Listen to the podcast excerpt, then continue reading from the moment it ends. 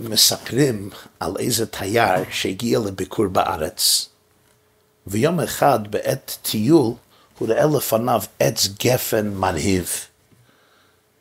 עם ענבים גדולים, ענקים, נראים טעימים מאוד, מתחיל לאכול את הענבים זה אחרי זה, ופתאום היהודי הבעל הבית יוצא מביתו למרפסת. הוא מתחיל לצעוק על התייר, מה אתה עושה? האם אתה לא זוכר מה שכתוב בעשרת הדיברות לא תגנוב? האם אתה לא זוכר את הפסוק בפרשת ויקרא לא תגנובו? האם אתה לא זוכר את הפסוק לא תגזול? והתייר הזה מסתכל עליו, מחייך מאוזן לאוזן, פנים מלאים שמחה, והוא אומר, וואו, וואו. אין מדינה נהדרת בעולם כמו ארץ ישראל. איפה אפשר למצוא מדינה אחרת שעומדים, אוכלים ענבים מתוקים, טעימים, ועוד בעת מעשר שומעים דבר תורה יפה. היום בשיעור זה אנחנו נשחח בעזר השם יתברך על אחד מהתקנות הכי חזקות בחיי עם ישראל כבר אלפי שנה. דבר שנעשה חלק מאורח החיים היהודי מדי יום ביומו, שידוע בשם ברכות הנהנין. נתחיל עם תלמוד גמרא במסכת ברכות דף ל"ה עמוד א', תנו רבנן, החכמים לימדו, אסור לו לאדם שיהנה מן העולם הזה בלא ברכה, וכל הנהנה מן העולם הזה בלא ברכה, מעל. פירוש הדברים, חכמינו זכרם לברכה אומרים, שאם אדם רוצה ליהנות מן העולם הזה, בסדר, בחפץ לב, אבל שההנאה תבוא לאחרי ברכה. לכן, כשאני רוצה לאכול ענבים, או תפוחים, או תפוזים, או פרי אחר, אני עושה ברכה. ברוך אתה השם אלוקינו מלך העולם, בורא פרי עץ. אני רוצה לאכול ירקות, אני גם עושה ברכה. ברוך אתה השם אלוקינו מלך העולם, בורא פרי האדמה. רוצה לאכול לחם, ברוך אתה השם אלוקינו מלך העולם, המוציא לחם מן הארץ. רוצה לשתות יין, ברוך אתה השם אלוקינו מלך העולם, בורא פרי הגפן, וכולי וכולי. והגמרא אומרת שאם אני כן נהנה מן העולם הזה בלי ברכה, זה נקרא מעילה. מה זה מעילה? מעילה פירוש משהו ששייך לבית המקדש. אם זה נכס ששייך לבית המקדש, זה כאילו שייך לקדוש ברוך הוא, זה לא ברשותי. אם מישהו מקדיש בהמה או עוף או איזה חפץ לבית המקדש, זה נקרא נכסי המקדש. ואם אני משתמש בזה, זה נקרא מעילה. זה להשתמש במשהו ששייך כאילו לקדוש ברוך הוא בלי רשות, וזה איסור חמור. אומר, אומרת פה הגמרא, אם אני נהנה מן העולם הזה בלי ברכה, אז כאילו שהשתמשתי, מעלתי, זה מעילה, השתמשתי בקדשי שמיים בלי רשות. והגמרא ממשיכה.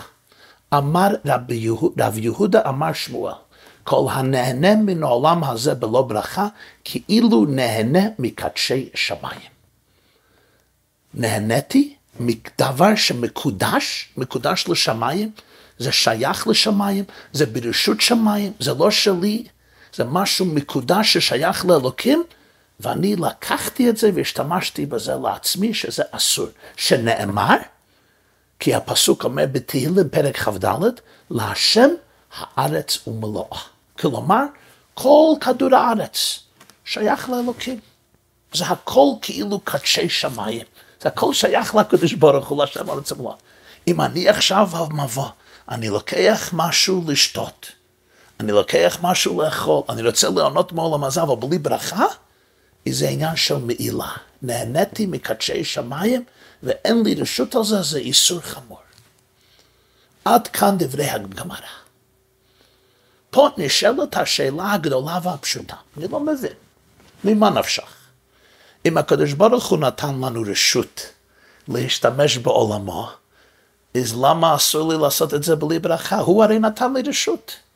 זה לא שייך לבית המקדש, ודאי לשם הארץ ומלואה, אבל הרי הקדוש ברוך הוא ברא אדם וחווה, והוא אמר להם, פרו ורבו הועלו את הארץ וכבשו ורדו בדגת הים ובחיות. הוא נתן לבן האדם רשות להשתמש בעולמנו.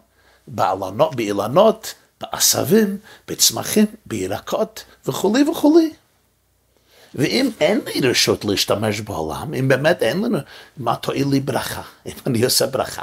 למשל, אם אני נכנס לבית שלך, אני נכנס למטבח, ואני מתחיל לגנוב כל האוכל, אבל לפני שאני גונב את זה, אני מתחיל לברך אותך. שברוך תהיה, ברוך תהיי.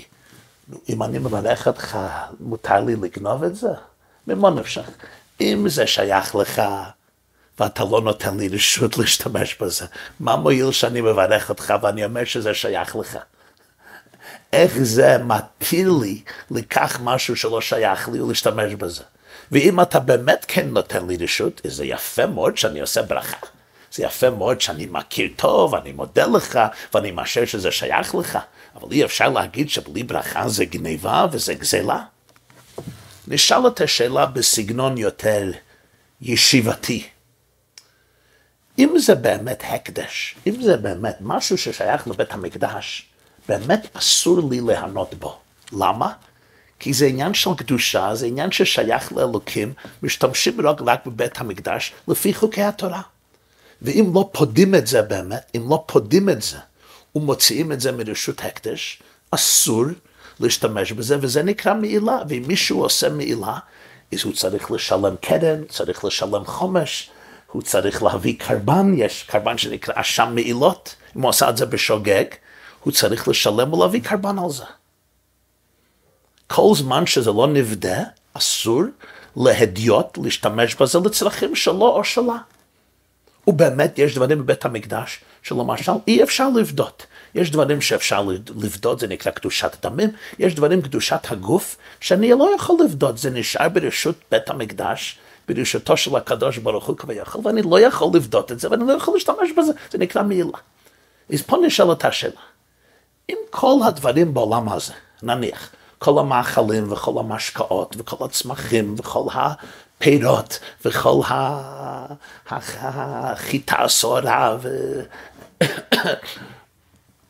וכולי וכולי. אם כל זה באמת הקדש, זה נקרא קודשי שמיים לשם הארץ ומלואה, ולכן אסור לי להנות, להנות בהם, אז אני לא מבין, מה קורה על ידי הברכה? על ידי הברכה זה כבר לא קודשי שמיים? אם אני עושה ברכה, ברוך אתה השם אלוקינו מלך העולם שהכל נהיה בדברו, ואני שותה את הכוס מים, או אני שותה את הכוס uh, מיץ תפוזים, או מיץ תפוחים, או אני אוכל את העוף, או את הבשר, או את החלב, או את הפיצה, את הגבינה, את הגלידה. אז מה קרה על ידי הברכה? זה כבר לא קדשי שמיים? זה יצא מידי הקדוש? זה כבר לא שייך לאלוקים כביכול? אדרבה. מהי ברכה? הברכה הרי היא מאשרת ברוך אתה השם אלוקינו מלך העולם שהכל נהיה בדברו, או בורא פרי הגפת, או בורא פרי העץ, או בורא פרי האדמה, או המוציא לחם מן הארץ. הברכה להפך, הברכה הרי היא מאשרת בכל התוקף שהקדוש ברוך הוא הוא מלך העולם, והוא ברא את לחם הזה, והוא ברא פרי זה, והוא ברא ירק זה, והוא ברא אוכל זה, והוא ברא משקה זה. אז להפך הברכה, לא רק שהיא לא מפקיעה את האוכל מקודשי שמיים, היא מאשרת באמת שזה שייך לקדוש ברוך הוא. אז איך ייתכן לומר שעל ידי ברכה זה כבר לא קודשי שמיים, זה כבר יצא מרשות המקדש ואני יכול לאכול את זה. ואם זה באמת נשאר קודשי שמיים, אז הדרך קושיה לדוכתה, איך אני באמת יכול לאכול את זה. בסגנון אחר אנחנו רוצים לברר מה אומרים לנו חכמינו פה, מה זה עניין של ברכה. מה זה יסוד הברכה? בפשטות כל אחד יגיד שזה פשוט הכרת הטוב.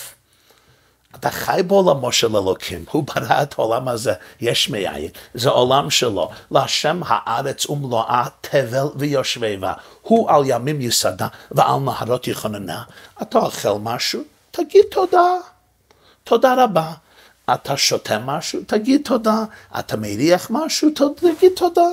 אתה מתעורר בבוקר, אתה פוקח את העין, אתה פותח את העיניים, אתה יכול לנשום, אתה יכול לשים שתי רגליים על הקרקע, אתה יכול להתלבש, אתה יכול לנענע את האיברים, את הגידים, את העצמות. תגיד תודה, זהו, הכרת הטוב, אני מבין את זה. חז"ל יכולים להגיד בפשטות שמצד הכרת הטוב, הדבר המוסרי והנכון הוא זה להגיד תודה. לכן אנחנו מברכים לאלוקי העולם על כל הנאה שיש בעולם הזה. יפה מאוד. אבל פה הם אומרים משהו אחר. הם אומרים שבלי ברכה זה גדר של מעילה. אני כאילו מועל בקדשי שמיים, אני גונב קדשי שמיים, אני גוזל קדשי שמיים. למה אתה צריך לה, להגיד שאני גזלן, אלא כי נתן לי רשות. ואם אני כן גזלן, איך ברכה תפקיע את זה כפי שאמרנו לאל. אני רוצה להגיש בפניכם ביאור נפלא וגם מרגש, וגם ביאור שיכול לשנות חיים. זה ביור שזכיתי לשמוע בעצמי מאת הרבי מלובביץ', והביור הזה, אני, אני תמיד זוכר את זה, בגלל ה, היופי, המתיקות והיצירתיות של הביור. והרבי אז ביאר את זה בהקדם, בהקדמה, לבאר עניין אחר שמקורו בפרשת אמור. יש מושג שנקרא תרומה. מה זה תרומה? תרומה, התורה מצווה על היהודי שהיה לו קרקע בארץ ישראל, ויש מצוות התלויות בארץ. כלומר, מצוות שונות ששייכות להגידולים שגדלים מתוך הארץ שלי, אם יש לי קרקע, אם יש לי שדה, אם יש לי חווה, אם יש לי גן בארץ ישראל.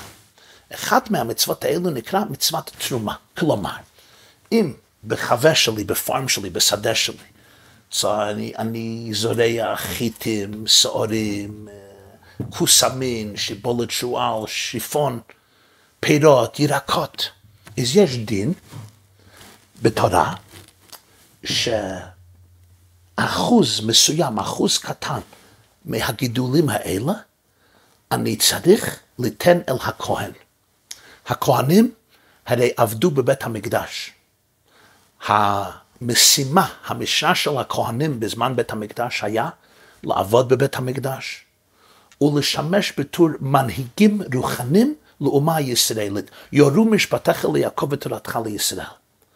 והפרנסה שלהם הגיעה מתוך בית המקדש ומתוך נכסי האומה. אז אני לוקח לערך שני אחוזים מהגרון שלי, מהחיטים שלי, ואני מוסר את זה לכהן, איזה כהן שאני רוצה. והכהן אוכל את זה, זה נקרא תרומה. יש גם אחוז שנותנים להלוויים, יש גם אחוז שנותנים לעניים, לאלמנות, ליתומים, לאלה שאין להם כסף, מפרנסים אותם. יש כל מיני מצוות צדקה שהתורה מצווה שיהודי שיש לו שדות ויש לו קרקעות ויש לו גנים ויש לו פירות וירקות וגרנות וכולי, הוא צריך קטניות, הוא צריך ליתן חלק מזה לאלה, זה, זה מס, זה צדקה, חלק מזה נותן לאלה אומללים או עניים או כהנים או לווים שאין להם כסף משלה. האוכל הזה נקרא תרומה זה נקרא תרומה כי, כי מרימים את זה, מפרישים את זה, מרימים, זה נקרא הפרשת תרומה.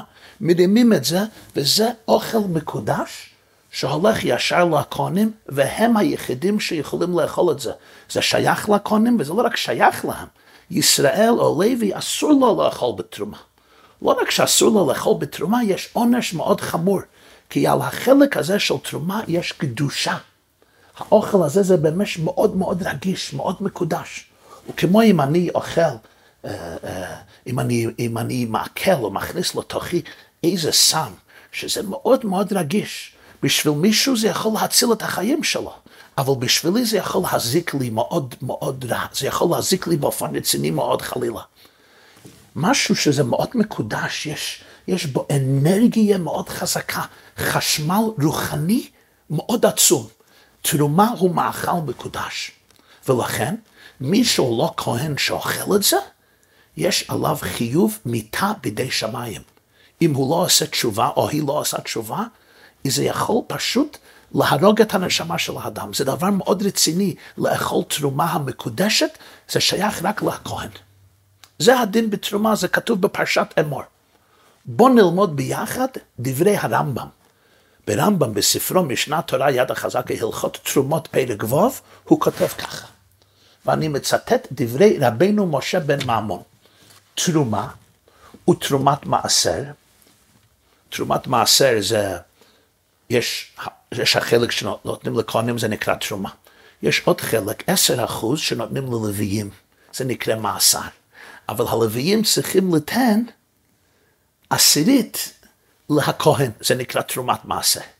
זה גם מקודש, אז תרומה ותרומת מעשר, אומר הרמב"ם, נאכלת לכהנים, בין גדולים, בין קטנים, אפילו כהן שהוא בן שלוש, בת ארבע, בת חמש, יכולה לאכול תרומה. בין זכרים, בין נקבות, לא אכפת לי אם הכהן הוא גבר, אם הכהן אישה, לא נוגע. יש לכהן בנים קטנים, יש לו בנות קטנות, כולם יכולים לאכול תרומה. הם ועבדיהם הכנענים ובהמתן. לכהן יש לפעמים עבד. מה זה עבד כנעני? עבד כנעני זה עבד לא יהודי. הוא קנה אותו מלא יהודים, זה עבד לא יהודי, והוא נכנס לרשות הכהן והוא עובד בשביל הכהן. והעבד הזה הוא אפילו לא יהודי מושלם. הוא לא חייב בכל המצוות כמו יהודי רגיל. אם הכהן משחרר את העבד, הוא יוצא לחירות והוא נעשה יהודי מושלם. אבל כל זמן שהוא נמצא ברשות הכהן, הוא חייב בהרבה מצוות, אבל הוא, uh, הוא uh, באנגלית היו קוראים לו, הוא סמי-ג'וויש. הוא יהודי, אבל לא, לא, לא מחויב בכל המצוות כמו יהודי. זה נקרא עבד כנעני. אז גם העבד הכנעני יכול לאכול את התרומה, והרמב"ם ממשיך, הוא בהמתן. הבהמות של הכהנים יכולים לאכול תרומה. והוא אומר, עבד כהן שברח, אשת כהן שמרדה, הרי אלו אוכלים. אפילו עבד כהן שהוא ברח מהבית, הוא עוד יכול לאכול תרומה, כי הוא העובד של הכהן. ומקור דברי הרמב"ם זה במשנה, במסכת תרומות, פרק י"א, המשנה אומרת, קרשיני תרומה, מאכילים אותם לבהמה, לחיה, לתרנגולים. אם יש לכהן תרנגולים בבית שלו, או בגן שלו, בגינה שלו, יש לו בהמות, יש לו חיות ששייכות אליו, הכהן יכול להכיל לחיות, לתרנגולים, קרשיני תרומה. ופה נשאלת לכאורה שאלה עצומה. בואו נבין את זה. משה רבנו, אם נגיד שמשה רבנו היה לוי, אם הוא אכל תרומה, חייב מיתה בידי שמיים. למה? כי הוא לא כהן. רבי עקיבא, דוד המלך, שלמה המלך, גדולי ועניקי האומה, אם הם אוכלים תרומה, הם חייבים מיתה בידי שמיים. למה? כי זה אוכל כל כך מקודש, זה לא בשבילם, זה לא בשבילי. אני ישראל, אני לא כן, אסור לי לאכול תרומה. והעבד כנעני, שרק אתמול הוא לא היה יהודי, והוא נכנס לבית של כהן, ועד היום הוא לא יהודי מושלם, מותר לו לאכול תרומה? קלאפ אליי, עוד יותר. אם אתה לוקח את האריזל, אתה לוקח את רבי עקיבא, אתה לוקח גדולי הנביאים, גדולי התנאים, המוראים, הגאונים הראשונים, האחרונים, המקובלים, הצדיקים, אם הם אוכלים תרומה, חייבים מיתה בידי שמיים. הבהמה הזו אוכלת תרומה. מה הלוגיקה פה? עוד יותר, בתוך בית הכהן יש לפעמים עבד עברי ועבד כנעני. מה החילוק? עבד עברי, פירוש, עבד יהודי נורמלי, שלא היה לו כסף, והוא מכר את עצמו לעבד לשש שנים, והוא עובד אצל הכהן. אסור לו לאכול בתרומה, כי הוא לא עבד כנעני, הוא עבד עברי. ואצלו עומד עבד כנעני, שאפילו לא יהודי מושלם, אם העבד עברי אוכל את התרומה, הוא חייב מיתה בידי שמיים. עבד כנעני או בהבהמה אוכלים התרומה, זה בסדר גמור. איך אנחנו יכולים להסביר את זה? הנימוק לכך, אומר הרמב"ם מאוד ברור. זה פסוק בפרשת אמור שמסביר את זה. הפסוק אומר, ספר ויקרא, פרק כ"ב, פסוק י"א. וכהן כי יקנה נפש, קניין כספו הוא. קניין כספו, הוא יאכל בו, ויליד ביתו, הם יאכלו בלחמו. פירוש הדברים, הרמב"ם מסביר את זה במשניות, בפירוש המשניות לרמב"ם, במשניות תרומות פרק י"א, כותב, כותב הרמב"ם, כי כשיקנה הכהן בהמה, שהוא מאכילה תרומה. למה? כי התורה אומרת, וכהן כי יקנה נפש קניין כספו. לפיכך כששכר הבהמה אינה מאכילה בתרומה, אינו מאכילה בתרומה, לפי שאינה קניין כספו. פירוש הדברים ככה, זה לא שבהמה מותרת לאכול תרומה ואני יהודי שלם, אני לא יכול לאכול תרומה. הפירוש הדברים הוא כשכהן קונה בהמה, הבהמה זה כאילו חלק ממנו, זה קניין כספו, זה לגמרי טפל ובטל אליו, זה חלק מהנכסים שלו. אותו דבר להבדיל בעבד. כתוב יד עבד כיד רבו. העבד הוא כאילו חלק מהאדון. קניין כספו, כהן כי יקנה נפש, קניין כספו הוא. זה חלק מהמשפחה, זה חלק מהכהן, זה כמו אשת כהן. אם כהן, אם יש אשת כהן שנשאו לכהן, היא גם לא יכולה לאכול תרומה. אשתו כגופו, כל הבנים יכולים לאכול, הקטנים, הגדולים, למה? הם כולם חלק ממשפחת הכהן. אפילו להבדיל הבהמה, לא בן אדם. אבל כיוון שהבהמה הזו נקנית על ידי הכהן, היא שייכת אליו, היא כאילו התפשטות מהכהן. גם העבד, כיוון שהוא עבדו של כהן, הוא עבד כנעני, זה נקרא קניין כספו, מה שקנה עבד קנה רבו, יד עבד כיד רבו, זה חלק מהנכסים, זה התפשטות כאילו מהאדון, זה לא שהעבד אוכל את זה בתור עניין עצמאי, בתור אדם עצמאי, העבד הוא כאילו התפשטות מהאדון. הבהמה היא לא מציאות עצמאית נפרדת מהכהן, היא חלק מהכהן.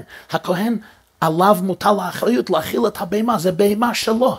עוד יותר, כתוב בקריאת שמע, אה, ואספת דגנך ותרשך ויצריך, ונתתי עשב בשדך לבהמתך ואכלת ושבעת. אז כתוב בגמרא, אסור לאדם לאכול בעצמו קודם שיאכיל לבהמתו. תחילה כתוב, ונתתי עשב בשדך לבהמתך, ואחר כך ואכלת ושבעת. דבר ראשון אתה צריך להאכיל לבהמה, אחר כך תאכול בעצמך. האחריות הראשונה שלי זה הבהמה שלי.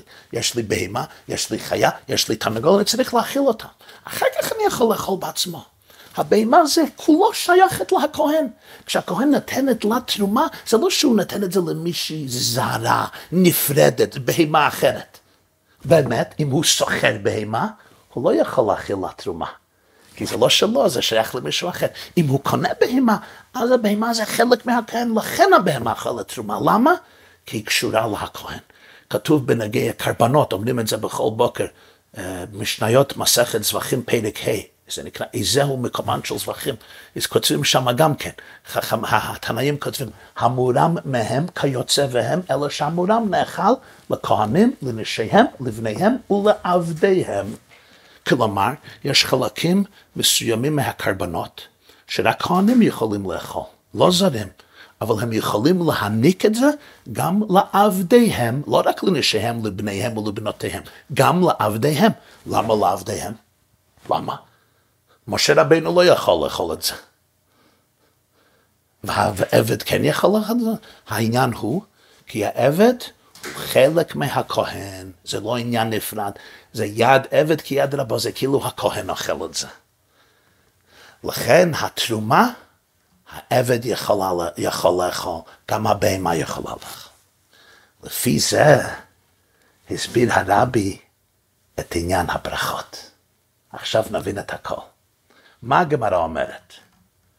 אסור לו לאדם שיהנה מן העולם הזה בלי ברכה, וכל הנהנה מן העולם הזה בלא ברכה זה מעל, זה מעילה. כל הנהנה מן העולם הזה בלא ברכה, כאילו נהנה מקדשי שמיים. אז שאלנו דבר גדול. אם הקדוש ברוך הוא נתן לך רשות, זה לא מעילה, ואם לא נתן לך רשות, מה, מה מועילה הברכה? שאלנו גם, איך ברכה יכולה להפקיע משהו מקודש, אם זה באמת מקודש. אז ברכה מפקיעה את זה, ברכה אומר שזה לא מקודש. מה העניין בזה? תגיד רק שזה הכרת הטוב. עכשיו נבין את העניין. מה זה ברכה? בואו נתבונן לרגע מה אנחנו אומרים בעת ברכה. אומרים, ברוך אתה השם אלוהינו מלך העולם בורא פרי העץ, או שהכל נהיה בדברו, או ברכה מסוג אחר. אז בוא נתבונן מה המילים, מה אומר פה יהודי? ברוך אתה, אדושם אלוקינו, מלך העולם. הוא מכריז שהקדוש ברוך הוא הוא השם, ברוך אתה השם, י"ק ו"ק, שזה שלוש מילים, היה, הווה ויהיה. המילה י"ק ו"ק זה מרכיב את שלושת המילים היה, הווה ויהיה, וזה מלשון הוויה. הוא ההוויה של העולם, הוא-הוא המציאות. הרמב"ם כותב בתחילת יד החזקה, יסוד היסודות ועמוד החכמות לידע שיש שם מצוי ראשון, והוא ממציא כל נמצא, וכל הנמצאים משמיים ובארץ ומה שביניהם לא נמצאו אלא מהמיטת הימצאו. כלומר, הוא עצם ההוויה. כל ההוויה, כל המציאות כולה, רוחנית ופיזית, מלמעלה למעלה עד למטה מטה, זה הכל מההוויה של אלוקים שהוא ברא ובורא את זה. אחר כך אומרים אלוקינו, זה הכוח שלי, האנרגיה שלי. מלך העולם, הוא מלך של כל העולם. והוא ברא פרי העץ, או הוא בורא פרי העץ, שהכל נהיה בדברו. כשיהודי אומר את זה, מה הוא בעצם מכריז? אני עבדו של הקדוש ברוך הוא. אם הוא מלך כל העולם, אני בתוך העולם, אני עבדו של הקדוש ברוך הוא. אה, אתה עבדו של הקדוש ברוך הוא. עכשיו אתה כבר יכול ליהנות מקדשי שמיים, המורה מהם נחל לכהנים, לנשיהם ולבניהם ולעבדיהם. אם אתה עבדה של הקדוש ברוך הוא, מה שקנה עבד, קנה רבו, יד עבד כיד רבו, עבד מלך, מלך, אומרת הגמרא במסכת שבועות ל"ט. אם אתה עבדו של הקדוש ברוך הוא, אז אתה חלק מהקדוש ברוך הוא. אתה כבר יושב בשולחנו, אתה כבר, אתה התפשטות מהקדוש ברוך הוא. אין לך מציאות עצמאית נפרדת. זה כבר לא מעילה. אתה לא נהנה מקדשי שמיים בתור בן אדם נפרד. אתה עבד של הקדוש ברוך הוא, כמו שהעבד יכול לאכול את התרומה של הכהן, הגם שזר אסור לו לאכול את זה. והלוי וישראל אסורים לו לאכול את זה. אבל למה העבד יכול לאכול את זה? כי הוא חד לגמרי עם הכהן, אין פה שום פירוט. כשיהודי מאשר ומתבונן ומעמיק ומפנים ברוך אתה השם אלוקינו מלך העולם שהכל נהיה בדבריי שהכל נהיה בדבריי גם אני הוא מלך העולם אני כבר שייך לקדוש ברוך הוא אני כבר עבד של הקדוש ברוך הוא זאת אומרת תאכול תאכול תאכול את הכל בסגנון אחר הברכה לא משנה את החפצה של האוכל היא משנה את הגברה, את הבן אדם. הברכה משנה אותי שאני נהפך לבן אדם אחר. זה לא שהברכה מוציאה את האוכל מקדשי שמיים, שאחרי הברכה זה כבר לא בבית המקדש, זה כבר לא לשם ארץ ומלויה, לא, זה לא שהברכה משנה את החפץ, את האוכל, את המשקה, שזה לא קודשי שמיים, לא, ודאי שזה נשאר קודשי שמיים. עוד יותר, הברכה הרי מאשרת שהיא שייכת לאלוקים. הברכה לא משנה את האוכל, הברכה משנה אותי. ברכה אומר, אני לא בן אדם בודד, אני לא בן אדם שבור, אני לא בן אדם נפרד, אני לא בן אדם מנותק. מי אני? אני חלק מהאינסוף. אני עבדו של הקדוש ברוך הוא. עבד מלך, מלך. אני התפשטות של אלוקים. אני בעצם אז כפי שאנחנו תמיד אומרים, אני בעצם הזרימה של האין סוף בעולמנו. אני התגלמות של העורק לקי בעולמנו. ברוך אתה השם אלוקינו מלך העולם, בואי די פרי עץ, המועצה לכם מן הארץ. אני כבר בן אדם אחר. אה, אתה כבר שייך לאלוקים, אתה דבר מיוחד עם הקדוש ברוך הוא. אין שום נתק, אין שום פירוד, אין שום הבדל. קניין כספוי. זה כבר גדר אחר, אתה, אתה חפצה אחרת לגמרי. ודאי אתה יכול ליהנות מקדשי שמיים עם ברכה. כל העולם הזה זה קודשי שמיים. אבל אם אתה, התפשטותו מלך, התפשטות כביכול מלכים, אז תהנה מקודשי שמיים, למה? כי אתה דבר אחד עם הקדוש ברוך.